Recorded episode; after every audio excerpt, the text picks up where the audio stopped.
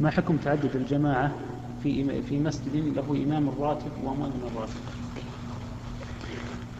آه، تعدد الجماعة الجماعة على قسمين. القسم الأول أن يكون ذلك راتبا. بحيث تتعمد تتعمد الجماعة الثانية التأخر حتى تقيم جماعة أخرى. فهذه بدعة. لأن المسجد لا يقام فيه إلا جماعة واحدة.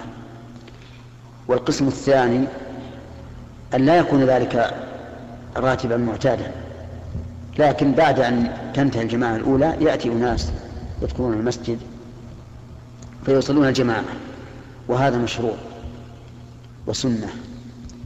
لأن النبي صلى الله عليه وسلم كان مع أصحابه ذات يوم فدخل رجل قد فاتته الصلاة فقال من يقوم يصلي مع هذا يتصدق عليه. أو قال من يتصدق على هذا فيصلي معه. فقام أحد الصحابة فصلى معه.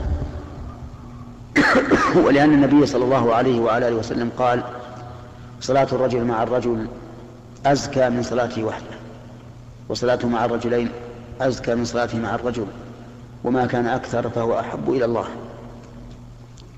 وأما توهم من توهم من الناس أن إقامة الجماعة الثانية بدعة فهذا صحيح فيما إذا كان على وجه الراتب. معتاد كما قلت لك. أما ما كان طارئا فإن إقامة الجماعة الثانية سنة بأمر النبي صلى الله عليه وعلى آله وسلم. نعم. لا في المسجد أحسن. لأنه في المسجد ربما يكثر الجماعة. يدخل معه ناس يأتون فيما بعد فيكون أفضل. ثم إن الغالب أن الإنسان يخرج من بيته إلى المسجد من أجل أن يصلي مع الجماعة فتفوته فيأتي وهم قد صلوا فإذا أقام في المسجد كان هذا أنفع له ولغيره لأنه ربما لو رجع هو وصاحبه للبيت وصلى يا جماعة يأتي إنسان واحد مثلا دخل بعد إقامة الجماعة الأولى ولا يجد جماعة فتفوته الجماعة. الأفضل أن تكون في البيت. نعم لو فرض أنه علم أنها انتهت الجماعة. علم وهو في بيته أنها انتهت الجماعة. لا وهو غافل المسجد انتهت الجماعة. خليك معي. لو علم وهو في بيته أن الجماعة انتهت فهنا نقول لا فرق صلي في بيتك.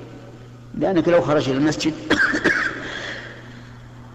قد يكون بعض الناس يخجل أن يقابله الناس وهم, وهم قد خرجوا من الصلاة.